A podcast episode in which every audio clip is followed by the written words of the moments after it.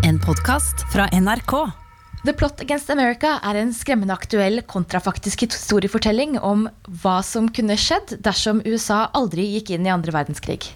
Vi har serietipsene du trenger i disse karantenetider. Og Spencer Confidential er en av de mest sjette filmene på Netflix for tida. Det fortjener den ikke, for den har ikke et fnugg av originalitet i seg.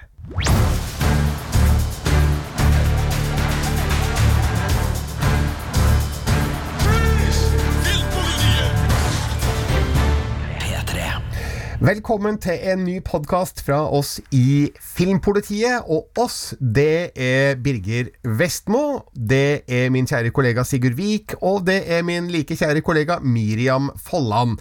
Og vi har alle sammen hjemmekontor for tida, som veldig mange andre. Det betyr at eh, jeg sitter eh, på et soverom hjemme hos meg sjæl. Hvordan ser det ut hos deg, Sigurd?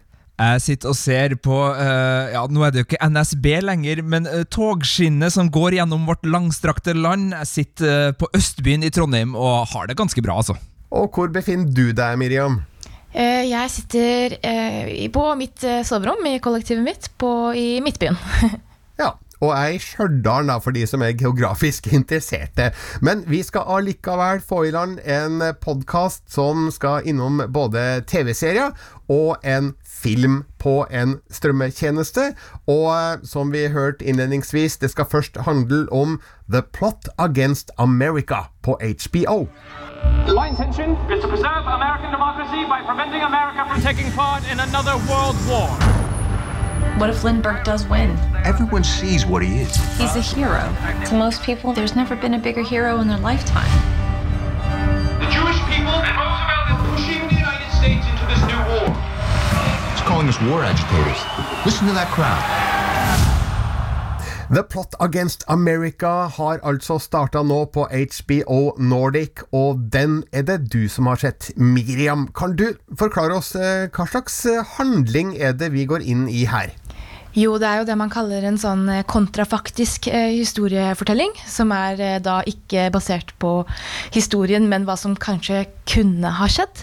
Og da, eh, den utforsker da hva som hadde skjedd hvis Franklin Roosevelt tapte valget i 1940 og da, hva som hadde skjedd hvis USA ikke gikk inn i andre verdenskrig, og heller da fikk en president som var mer høyrelent, eh, mer populistisk, og også med liksom fascistiske tendenser, og som kommer med slagord som 'America first', og, og ja, hvordan situasjonen ville eskalert da, i landet derfra. Ja, du har jo hinta frem på i din anmeldelse på p3.no Filmpolitiet at uh, The Plot Against America virker skremmende relevant. Hva, hva legger du i det? Fordi På mange måter så speiler den den virkeligheten vi har i dag. Sånn som f.eks. slagordet 'America First' er jo sånne ting som vi hører USAs president eh, si i dag. Og eh, man ser hvordan på en måte en sånn type sånne type farlige ideer og rasistiske strukturer blir bygd da, når en leder og maktpersoner bruker en veldig sånn, skummel retorikk som da fremmer både nasjonalisme og fremmedfrykt, og som setter eh, på en måte mye hat mot én gruppe av samfunnet. På den tiden så var det jo jøder, og i dag så er det kanskje eh, ja, andre, da, meksikanere eller innvandrere, som blir mer, eh, blir, blir mer siktet på. Eh, men, men, det er mye av den retorikken som vi kjenner igjen, eller i hvert fall jeg syns virker veldig likt, da, som det som skjer i USA i dag. Men det var overblikket. Kan du gå litt nærmere inn på hva The Plot Against America spesifikt handler om? Ja, vi følger jo en jødisk familie. Eh, og der hvor eh, moren og faren på en måte sliter litt med Eller sliter veldig da, med den retningen som landet tar, og føler seg ikke lenger hjemme i landet sitt. Eh, hvor faren er eh, veldig politisk engasjert og følger mye med på det som skjer, og er, blir mer og mer på en måte motvillig eller eh, trist og sint da, pga. Eh, hvordan situasjonen utspiller seg. Og så er det to sønner der den Der hvor de på en måte blir, dra, blir, dratt litt i forskjellige ideologiske retninger. Fordi også de har også en tante som eh, blir på en måte på siden av eh, presidenten. og forsvarer han veldig mye, til tross for at hun også er jøde og da er sammen med en eh, hva heter det, en rabbi, altså en sånn eh, jødisk eh, prest, kan man kalle det. Og ehm, ja, så den utforsker liksom veldig hvordan man kan bli manipulert selv om man er jøde, eller uansett hvem, hvem, man er, da, og hvor skummelt det er. Og spesielt kanskje hvor skummelt det er med tanke på barn, og hvor lett påvirkelige de kan være. da.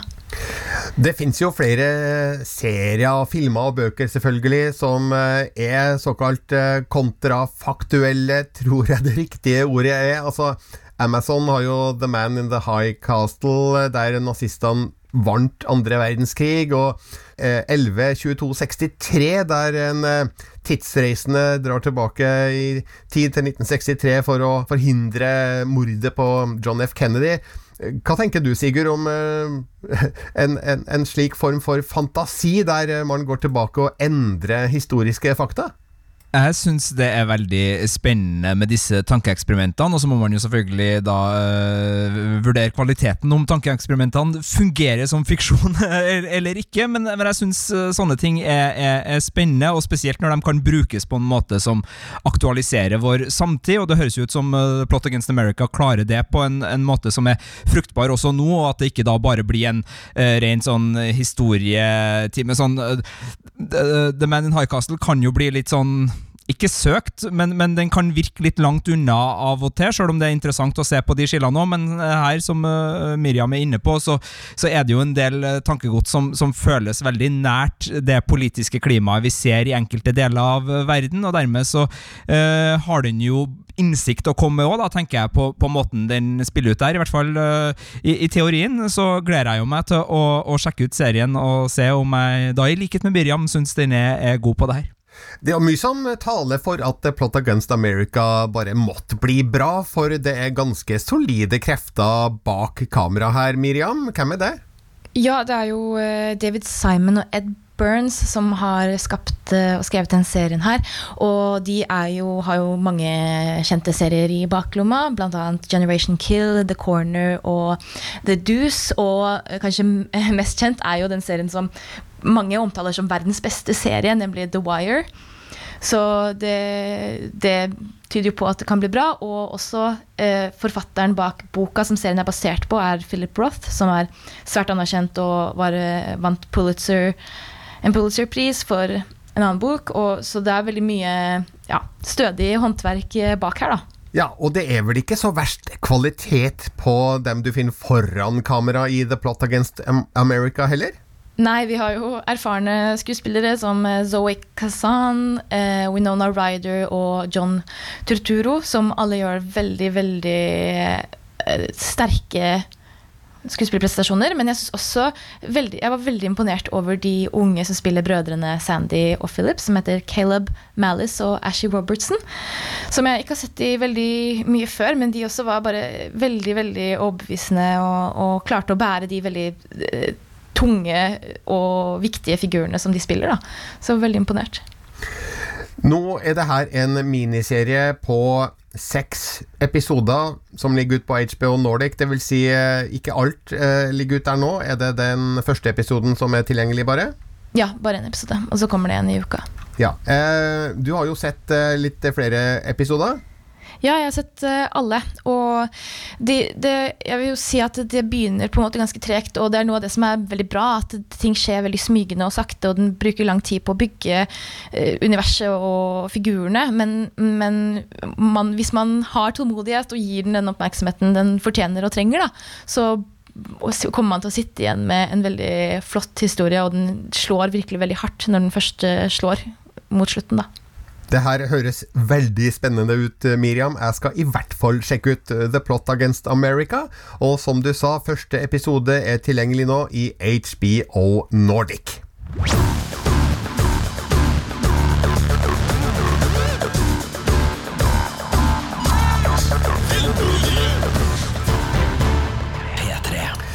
Nå skal vi konsentrere oss på andre ting man kan bedrive tida med i seriesammenheng, for eh, ja, det er jo ikke tvil om at eh, vi har kanskje et litt større behov for eh, ting å slå i hjel tida med nå enn vanlig, Sigurd? Sa du slå i hjel ti, Birger? Altså, reduserer du den fantastiske opplevelsen det er å se TV-serier, til å slå i hjel ti? Si meg, hva i all verden? Ja, jeg beklager, jeg må kanskje forandre ordlyden litt eh, her. Eh, Den situasjonen vi er inn i nå, med koronavirus og hjemmekarantene, frivillig eller eh, motvillig, gjør jo at vi har masse tid til overs til å kunne absorbere alt av kvalitetsserier som de ulike strømmetjenestene kan tilby oss. Og du har laga en liten oversikt over eh, 15 perler vi kan eh, prøve oss på. Ja, jeg og Miriam vi gikk rett ned i, i arkivmodus og, og pløyde gjennom det vi kunne oppdrive av strømmetjenester og deres tilbud. Veldig møysommelig arbeid, selvfølgelig, men heldigvis så har vi noen års erfaring her, så vi, vi har relativt god oversikt. Og vi har da plukka ut eh, 15 serier som du kan uh, binche i hjemmekarantene, og stikkordene da for, for vår jakt var feel good, spenning, latter, lunhet, eventyr, og selvfølgelig da flere sesonger. Vi skal ikke ramse opp alle 15 her nå i podkasten. Dere kan gå på p3.no filmpolitiet og se hele lista der, men vi skal snakke litt om noen av de vi virkelig kan anbefale eh, nå. Og skal vi starte med en komiserie satt til et politidistrikt i New York, kanskje, Miriam? Ja, Brooklyn 99 er jo en av eh, mine favoritter, egentlig. Den er en av de morsomste seriene jeg har sett på lenge, og absolutt bare gøy feel good med fantastiske figurer og snodige eh, ja, inside jokes, og bare veldig, veldig gøy og morsom serie med mange sesonger som man kan binge. Du, der må jeg rett og slett innrømme at eh, jeg starta på Brooklyn 99 sammen med familien min, men vi ramla av før første sesong var over. Ikke fordi vi syntes at eh, det var skikkelig dårlig, men eh, det var liksom ikke helt det samme som eh, den andre komiserien vi drev på med på samme tid, nemlig Parks and Rec.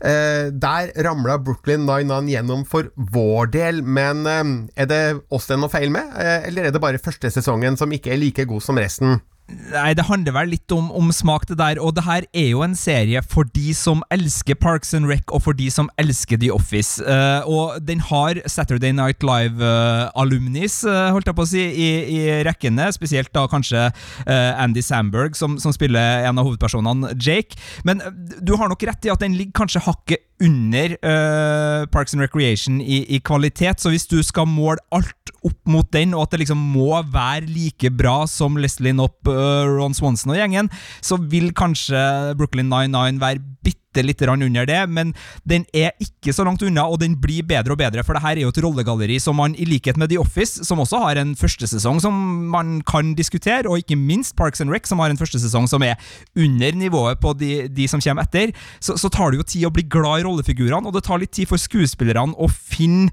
den rette tonen i sine rollefigurer, og jeg syns jo Brooklyn 99 er gull fra starten av, men nei, det kan være at, at jeg er litt blåøyd. Hva sier du, Miriam? Nei, jeg synes Det var ganske bra fra starten av, men jeg er helt enig i at det er en serie som bare virkelig blir bedre og bedre etter hvert som de finner tonen.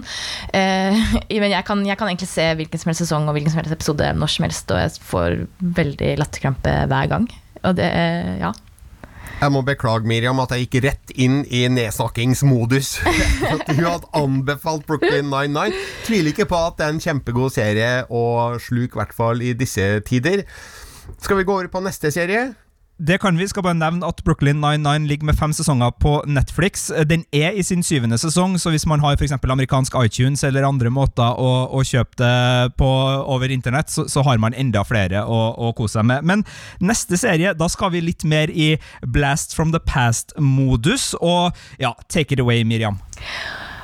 Altså, det her er serien som du kan se når som helst. Eh, om du er syk, om du savner familien din, om du er litt deppa, eller om du bare, egentlig bare er et menneske som vil ha noe gøy å se på.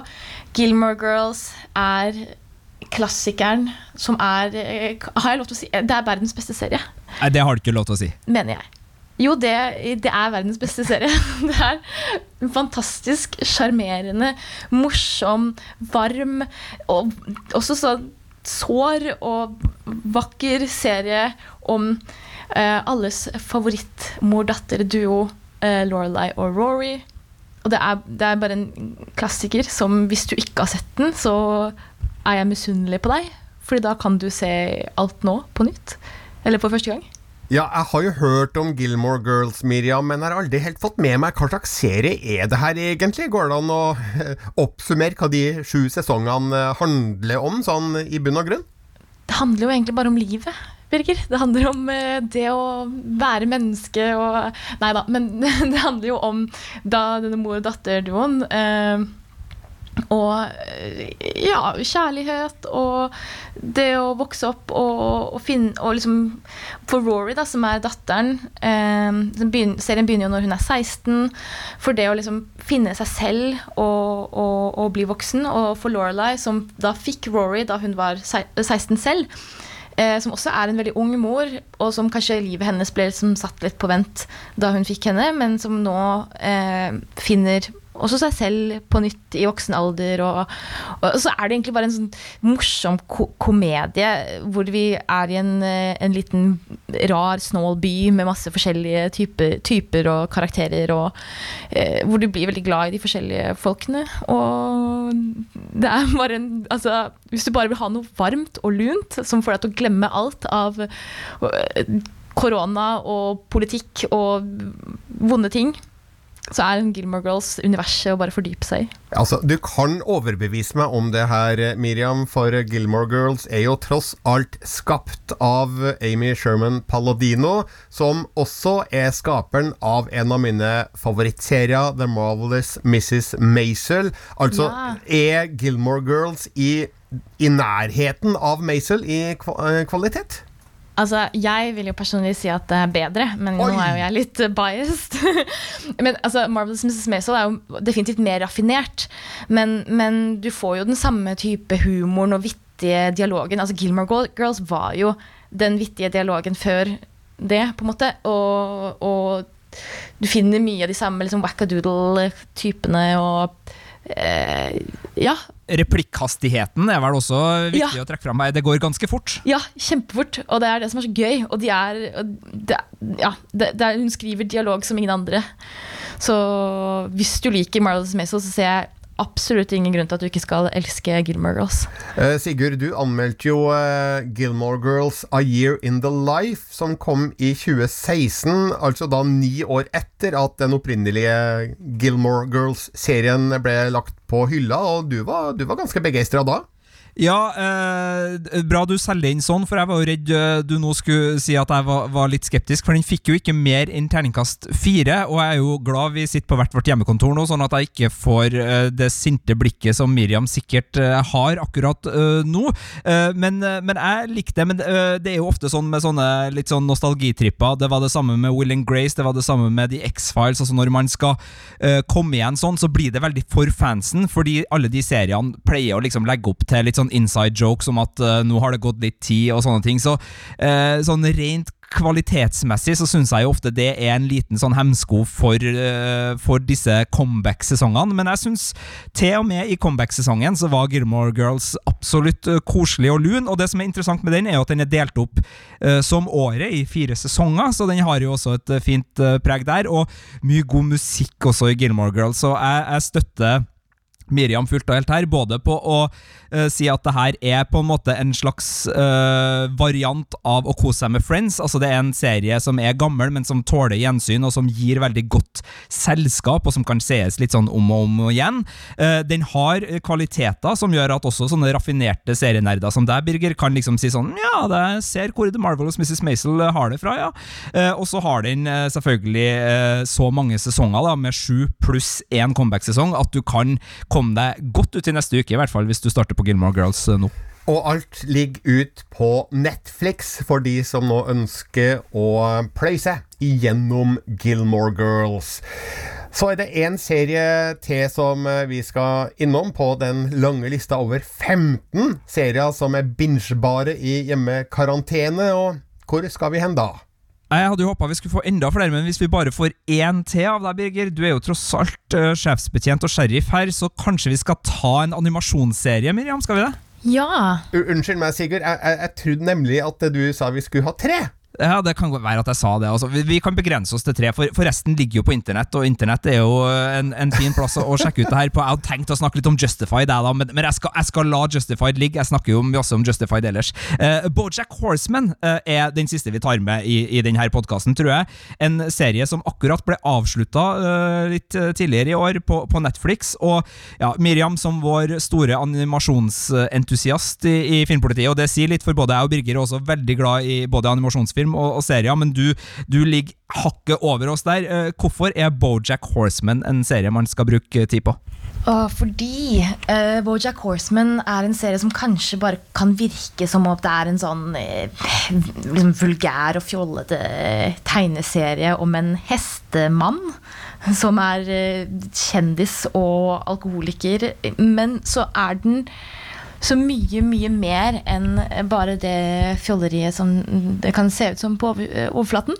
Fordi det er en utrolig skarp og morsom, fargerik og bare sånn absurd serie. Som er mye mer menneskelig, kan man si det, enn mange serier hvor det bare er mennesker. og det er det som er så fint, at den, den klarer på fantastisk vis å blande eh, ja, humor og veldig seriøse temaer. Så det er virkelig en serie som ja, en, holder veldig, veldig høy eh, kvalitet som TV-serie. Og ikke bare liksom underholdning, da. Ja. Er det noe du har sett, Birger? Nei, jeg har faktisk ikke sett et eneste sekund av Bojack Horseman. Det er en av de seriene jeg føler jeg Oi, burde ha vært oppdatert på, og prøve å la være å snakke om den, sånn at ingen skjønner at det her har jeg aldri kjennskap eh, til. Eh, så, men det er jo ikke noe unnskyldning, for eh, alle eh, seks sesongene er da tilgjengelig på Netflix, og jeg skjønner jo på dere to at eh, det her er en obligatorisk serie, i hvert fall for en journalist som later som han er oppdatert på både filmer og serier. Ja, jeg syns det, og den har også flere eh, innganger. Altså Enten man er glad i type Rick and Morty og eh, South Park og Family Guy og Undone og mange andre animasjonsserier, så er det selvfølgelig en inngang der. Men også hvis man liksom elsker Arrested Development, for her er jo Will Arnett uh, i, i, sentrum. Man har også Alison Bree, man har Aaron Paul, kjent som Jesse Pinkman fra Breaking Bad, på, på stemmesida. Og det her er skuespillere som virkelig får lov til å gi av seg sjøl i de rollene de, de spiller i denne her animerte serien. Så, så, den har så mange kvaliteter også utover eh, rent sånn eh, plott og, og, og dialog og stemning og, og tematikk. Det, den, har, den er full pakke, Miriam Etne. Bojack Horseman er full pakke. Absolutt, absolutt. Og ja, den er noe for alle. Og jeg trodde ikke jeg skulle like den da jeg så den var reklamert på Netflix mange ganger. Så var jeg sånn, ah, det er ikke en serie jeg gidder å bruke tid på. Men jeg er så glad for at jeg gjorde det, for det er en av eh, ja, mine favorittserier nå. Et veldig bra tips. Tusen takk skal du ha, Miriam. Og nå, nå, har jeg fått veldig dårlig samvittighet, Sigurd, for at jeg skulle avspise deg med tre serier. Altså, kom igjen! Justified! La meg høre! Hva er det for en serie, og hvorfor bør vi se den? Å, Birger, tusen takk. Jo, du, Justified. Uh, for alle som elsker Fargo-serien som uh, nå kommer med sin sesong fire ganske snart. 20. april tror jeg det er premiere på Fargo sesong fire. Eh, en av Fargo er utsatt pga. Uh, koronaviruset, så premieren blir forskjøvet til en ikke-spesifisert dato. Ok, det var nitrist, men eh, takk for, for altså, Nyheter er viktig, og du får dem også her i Filmpolitiets eh, podkast, selv om den, eh, den der øh, gjorde litt vondt i, hjertet akkurat nå. Men øh, ok, for dem som liker Ozark, Better Call Soul, Breaking Bad, Deadwood, westernsjangeren generelt, og ikke minst da Fargo, Justified er like bra, om ikke bedre, enn alt det der. Det er seks helt fantastiske sesonger som ligger tilgjengelig på HBO Nordic og Amazon Prime, så hvis du har en av de strømmetjenestene, så kan du øh, velge det der, og handler da om um, en sheriff i eh, Eller en US Marshal i Kentucky i liksom eh, moderne tider, som har en nemesis fra barndommen som heter Boyd Crowder. Vår helt heter Raylan Givens, spilles av Timothy Oliphant. Det er Walton Goggins som da spiller, eh, spiller Boyd. Og maken til velartikulert og kul og sløy krimserie eh, skal du lete lenge etter, og det er jo spesielt typene som er så gode her. Altså, I likhet med Fargo, så, så har serien her en tendens til å liksom sende de merkeligste typene krypende ut av treverket i den eh, amerikaneren vi befinner oss i Kentucky. da, og Her snakker vi heimbrent, her snakker vi hillbillies, her snakker vi rednecks, her snakker vi eh, trailer parks, her snakker vi eh, masse sånne eh, til typer som plutselig viser seg å være eh, crime lords over et stort skogområde eller et eh, gårdsområde, og, og det er så mye eh, god amerikansk historie fletta inn i kjempespennende og fengende krimhistorie som går sesong til sesong, og, og nei, jeg bare jeg storkoser meg med det her universet, og ikke minst så er det en dialogdrevet serie som gjør at man virkelig får utbytte av den gode samtalen. Det er så mange serier som bare pisser av gårde på et middels skrevet manus med replikker som bare er der for å drive handlinga framover. Justified er den rake motsetninga. Her er dialogen i fokus. Det er den som griper oss inn, og det er den som fenger, og det er den som gir oss en serie som er helt fantastisk. Ja, jeg har jo veldig lyst til å se Justified, for det har jeg utrolig nok ikke gjort. Jeg er jo eh, stor fan av Timothy Oliphant, eh, som jo da eh, kanskje er mest kjent for Justified, men eh, mange husker han også fra rollen som Seth Bullock i serien Deadwood og Deadwood The Movie, som kom i fjor. og for de som så Quentin Tarantinos Once Upon a Time in Hollywood, så spiller han jo da en liten rolle der som James Stacey, skuespilleren som da spiller rollen som Johnny Madrid, pistolmann, i, i en scene da i Once Upon a Time in Hollywood. Uh, jeg så for øvrig den filmen om igjen eh, for et par dager siden, og gud bedre, den filmen blir bare bedre og bedre. Uh, bare for de som ikke har fått med seg Once Upon a Time in Hollywood enda, så den er tilgjengelig på alle strømmeplattformer for kjøp eller leie, og er absolutt anbefalt. Men det er òg da åpenbart justified. Tror, du jeg får med min bedre halvdel på det her, Sigurd? Altså, det er jo farlig å si det, men er det her en sånn for gutta-serie, eller er den unisex? Den er definitivt unisex, men det er klart du må uh, ha en slags uh, kjærlighet for westernsjangeren for å, å, komme deg gjennom det her. Men ok, forsøk på å, å selge inn til, til mange. Altså Unbelievable var jo en miniserie på Netflix fra i fjor som var veldig populær, og, og vi så den jo, og vi likte den jo alle, alle sammen. Der spilte jo Caitlin Dever en av uh, hovedrollene. Uh, hun er fantastisk i Justified. Hun spiller Loretta McCready og er en veldig, uh, kall det gatesmart, eller uh, farmside-smart uh, type i, i det her landskampet.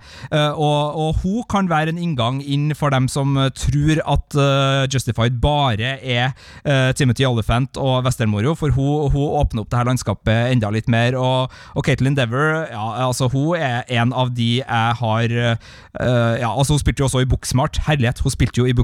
Vi, vi, vi, vi er veldig glad i, i Katelyn.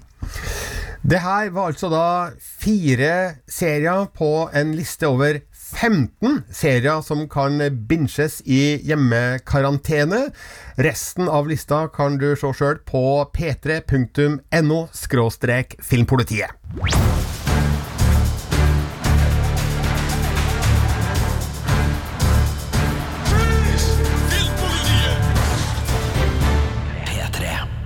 Til slutt i denne ukas podkast fra Filmpolitiet skal det handle om filmen Spencer Confidential, som har vært en av de mest sjette filmene på Netflix den siste tida. Men har den fortjent det? You made it! Try and stay on this side for a while. Let's go see your girlfriend. Five years ago, you got yourself sent to prison. What was I supposed to do? Wait? I'm sorry. I love you! You Let's go! Yo! Henry! What? You said I'd have my own room. Look, this is Spencer. Spencer, this is Hawk. Det her var altså lyd fra Spencer Confidential, en ny actionkomedie for eh, Netflix, laga av regissør Peter Berg og skuespiller Mark Wahlberg. Og det her er jo et radarpar som har laga flere filmer sammen i veldig mange år. Eh, de laga mafiafilmen Southie helt tilbake i 1998. De har jobba sammen eh, på uh, agentthrilleren Mile 22, på krigsdramaet Lone Survivor, oljeplattformkatastrofefilmen Deepwater Horizon og terrorthrilleren Patriots Day. Og nå jobber de nok en gang sammen da i Spencer Confidential, som er basert på mm, en eh, bok av eh, Ace Atkins, igjen basert på figurer skapt av eh, forfatter Robert B. Parker. Og så er filmmanuset skrevet av Sean O'Keefe og Brian Helgeland, som da faktisk er norsk etta, som kanskje etternavnet avslører. Og her spiller Mark Walberg en tidligere politimann, Spencer, som slipper ut av fengsel etter en fem års dom for overfall på sin egen sjef. Han er lite populær blant tidligere kolleger, eh, og har egentlig planer om å flytte fra Boston, der handlinga da foregår. Boston er for øvrig Mark Walbergs hjemby, og han har laga flere filmer derifra. Eh, men så skjer det noe samme dag som Spencer slipper ut av fengsel.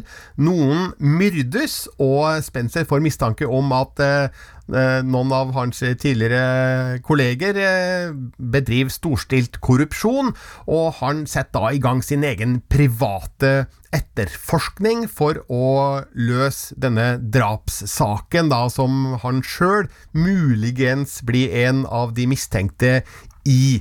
Og ja, so far so good. Det, det høres jo ut som en forholdsvis eh, standard eh, et standard utgangspunkt for en actionfilm, gjør det ikke det? Jo, absolutt. Sigurd, er det her noe du kunne tenkt deg å se ut ifra handlingsbeskrivelse? Jo, altså handlingsbeskrivelser er fair enough. Den kunne ha vært en, en uh, gigantisk uh, storactionfilm, og den kunne ha vært en, en ganske enkel lavbudsjettsfilm. Uh, men jeg vet jo at du uh, har landa på en, en, terning som tilsier at jeg egentlig ikke har så veldig lyst til å se den. Men det er jo litt sånn Det er jo vanskelig, da, Birger, fordi Netflix driver jo og dytter den i trynet mitt og sier sånn Den her skal du se, den her skal du se. Å, anbefalt for deg, og se populært på Netflix nå. Og så sitter du der da med, med en terning som sier at nei, det er ikke sikkert Netflix har helt rett der. Nei, men den har noe for seg dersom du bare skal skli langt ned i sofaen. Eh, ta en øl, kanskje, spis litt pizza, og ikke tenk på det du ser. Da kan Spencer Confidential ha evnen til å underholde deg nok da, i løpet av uh, de knappe to timene den varer. Men hvis du forventer noe mer enn straight A4 ferdigpizzaunderholdning, så feiler dessverre filmen, og det er fordi det er ingenting her du ikke har sett før. Altså, den eh, baserer seg på en slags buddy cop-kjemi mellom Spencer, som da Mark Wahlberg spiller, og hans nye romkamerat i filmen, som er Hawk, spilt av Winston Duke. Han er da en aspirerende MMA-bokser, som da har eh, evnen til å slå hardt, og det får man jo selvfølgelig bruk for i løpet av denne filmen. Og så raser de da rundt i Boston for å prøve å eh, løse opp eh, et eh, nett av forviklinger og omstendigheter som er ganske enkle og løs sjøl om man sitter langt nedsklidd i sofakroken, for det er veldig forutsigbart alt som skjer her, og hvem som er snille og hvem som er slemme, det blir etablert sånn med en gang, uten at uh, man trenger å bruke noe hjernekapasitet på å finne ut uh, hva som egentlig skjer her. Og derfor blir det heller ikke noe spenning i historien, fordi du vet sånn cirka hvordan alt uh, kommer til å foregå, og det er ikke noen store overraskelser på lur gjennom eh, filmens handlingsforløp. Og det Ok, det er jo litt småskuffende, men eh, det kunne ha vært eh, overkommelig, det, dersom filmen hadde velfungerende humor og spretten action og hardtslående sekvenser. og den har noen tilløp til det, og det er jo ikke helt uten fornøyelighet, det som skjer her. Men actionscenene er overraskende konvensjonelt løst. Og det med tanke på at eh, Mark Wahlberg og, og, regissør Peter Berg har jo laga actionfilm før, spesielt da Mile 22, og også da katastrofefilmen Deepwater Horizon hadde jo kjempegode effekter og eh, ganske ganske veldreid eh, action, men det, det, har dessverre ikke Spencer Confidential. Det virker som at eh, her har de laga film på et ganske lavt budsjett, og har kanskje ikke anstrengt seg 100% for å lage en så god film som mulig. Eh, man kan jo se for seg at eh, tankegangen er ja, det, det er bare en Netflix-film, så her trenger vi ikke å bedrive eh, stor filmkunst, og trenger ikke å satse alt på å lage noe av veldig høy kvalitet, som vi ville ha gjort dersom filmen skulle ha gått direkte ut på kino.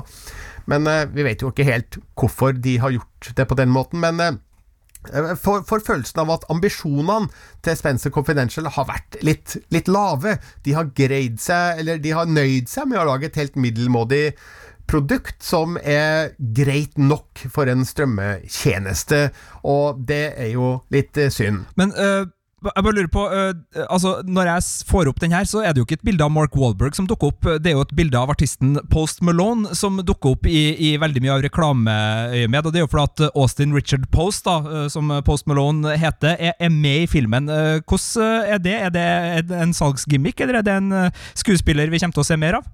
Det er en salgsgimmick, det kan jeg si, for det er en liten birolle det er snakk om her. Eh, Post Malone, eller Austin Post, da, han, han, spiller jo da en figur som heter Squeeb, som sitter i fengsel, og som er en av figurene eh, Spencer har eh, nærkontakt med helt i starten av filmen, og også da på et tidspunkt litt uh, seinere. Men uh, det er ikke noe stor rolle, og uh, jeg tviler vel egentlig på om Post Malone kan brukes til så veldig mye foran kamera, for han, han har jo disse tattisene i ansiktet, da. og de, de, er jo de samme, enten han er i en spillefilm eller på en scene, så veit ikke helt jeg om det er brukelig å ha med Post Malone som noe annet enn et sånn morsomt eh, sidespor eller et tilskudd, da. Men eh, han, han, gjør ikke bort seg. Han treffer kanskje en ung målgruppe mye bedre enn det eh, gamlekar Mark Walberg har muligheten til å gjøre. Jeg vet ikke.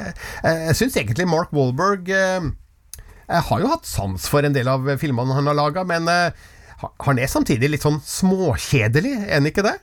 Altså, Han er jo et forbilde for Post Malone i det at han var jo også Marky Mark på et tidspunkt, uh, og lillebroren til han i New Kids On The Block, så, så han kommer jo litt fra den samme artistbakgrunnen, og så gjorde han da den her overgangen til skuespiller, og så burgerkjedeeier, osv., osv. Men nei, altså, jeg, jeg, vet at Marky Mark, eller Mark Wahlberg, da, som han foretrekker å bli kalt, han har en, en durabelig fanbase, og han er en skuespiller som, som har en karisma som, som gjør at mange liker en, men jeg er enig i sånn, hvis man ser bort fra den karismaen karismaen, så, så spiller han jo eh, veldig mange roller som er forglemmelige, men han har noen godbiter som virkelig har, har satt sitt spor. Og så, og så er han en sånn type som, hvis du liker han, så bidrar han til at det blir stort sett godt selskap å, å, å se filmer med han.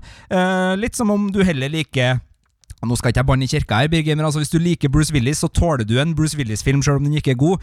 Hvis du liker Jason Statham, så tåler du en Jason Statham-film selv om manuset er søppel. Og, og Sånn syns jeg det er litt med Mark Walberg òg. Hvis du liker Mark Walberg, så tåler du sikkert eh, en og en halv time med Spencer Confidential, du gjør ikke det? Ja, jeg tåler det, jeg gjør det altså. Sjøl om jeg har gitt terningkast tre, så kan jeg ha forståelse for at Spencer Confidential kan være en, en, passende film i visse situasjoner. Og kanskje er det slike situasjoner man er i nå, da, når man sitter her i sofaen og bare trenger et eller annet å bedrive tida med. Um, det her er titrøyte film, altså. Virkelig i årets eh, rette forstand, så vær klar over det. Uh, så jeg ser jo selvfølgelig alle filmer med eh, filmkritikerauga, eller filmkritikerbriller, om du vil. da eh, Og da, da, da, feller den igjennom. Den gjør det. Men eh, gi den en sjanse hvis eh, du er åpen for eh, et par timer med tanketom underholdning av middels kvalitet. Av og til så holder det akkurat på samme måte som jeg gjerne slår i hjel et par timer med en gammel Steven Segal-film, f.eks. Altså Mark for Death, herregud. Eh, det, det, er filmen sin, det med øl og pizza. Men uh, Spencer Confidential kommer nok ikke til å se en gang uh, til. Uh, I slutten av filmen så legges det helt klart opp til en mulig oppfølger her, uten at jeg skal si på hvilken måte. Men det her er jo basert på en serie bøker om, om denne Spencer. Jeg tror filmen beveger seg et godt stykke unna bokverdenens Spencer, sånn som jeg har skjønt det. Men hvis Mark Walberg og regissør Peter Berg skal lage flere Spencer-filmer for Netflix. Som jeg vet at produsentene av filmen er interesserte i. De har i hvert fall åpna for muligheten. Hvis de skal lage flere, så må lista legges mye høyere enn de har gjort det nå. Og jeg mener at det er rom for store eh, forbedringer her. Spesielt på actionfronten, der det er litt sånn latmannsarbeidet ute og går. og det, det, det, er ikke hardt nok. Det er ikke, det er ikke blodig nok. Her går det an å tråkke ordentlig hardt eh, til og få det her til enda mer hardtslående underholdning enn det Spencer Confidential har blitt.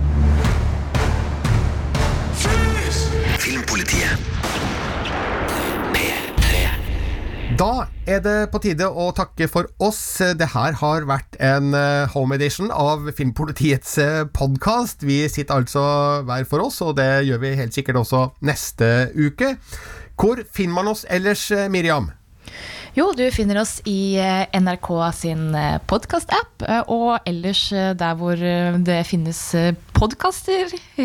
Ja, alle podkast-apper. Sigurd, vi har òg tilstedeværelse på noen sosiale medier. Selvfølgelig har vi det. NRK Filmpolitiet heter vi på Instagram. Du finner oss, og ikke minst Birger Vestmo, på Twitter, hvor du kan få med deg anmeldelsene. Og så kan du selvfølgelig gå til vårt hjem på internett.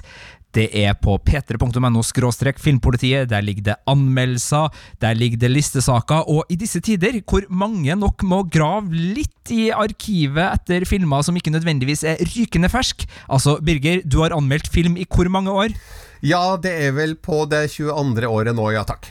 Ja, og det er et anselig arkiv, så hvis du er litt i tvil om du skal gidde å bruke tida eller ikke på filmen, sjekk om den ikke er anmeldt av Birger først, eller noen av oss andre, eh, på eh, Filmpolitiets hjemmesider. Det er godt mulig at vi har ment litt om den. Og så kan dere høre oss på P3 hver søndag fra 12 til 3. Og oss er Sigurd Vik, Miriam Folland og Birger Vestmo. Takk for at du har hørt på. Ett meddelande. To journalister kneler ned med maskingevær mot hodet og får ordre om å ringe hjem. Den ene er skutt, den andre torturert. De skal fortelle at de er kidnappa i Syria og trenger hjelp. I love you, Anna, sier Niklas til kona si. Please help us, sier Magnus. Nyheten slår ned som ei bombe. Alt uh, tyder på at de to er bortført mot sin vilje, men det er uklart hvem som står bak. Erik Aasheim og jeg, Nina Stensrud Martin, blir redde. Magnus og Niklas er våre venner. Nå vil vi finne ut hva som egentlig skjedde. Bli med på ei reise fra Lappland til Beirut. Til smuglerligaer og hemmelige agenter, heltemodige redningsarbeidere og brutale torturister. Dokumentarserien 'Kidnappet' hører du i podkasten Hele historien.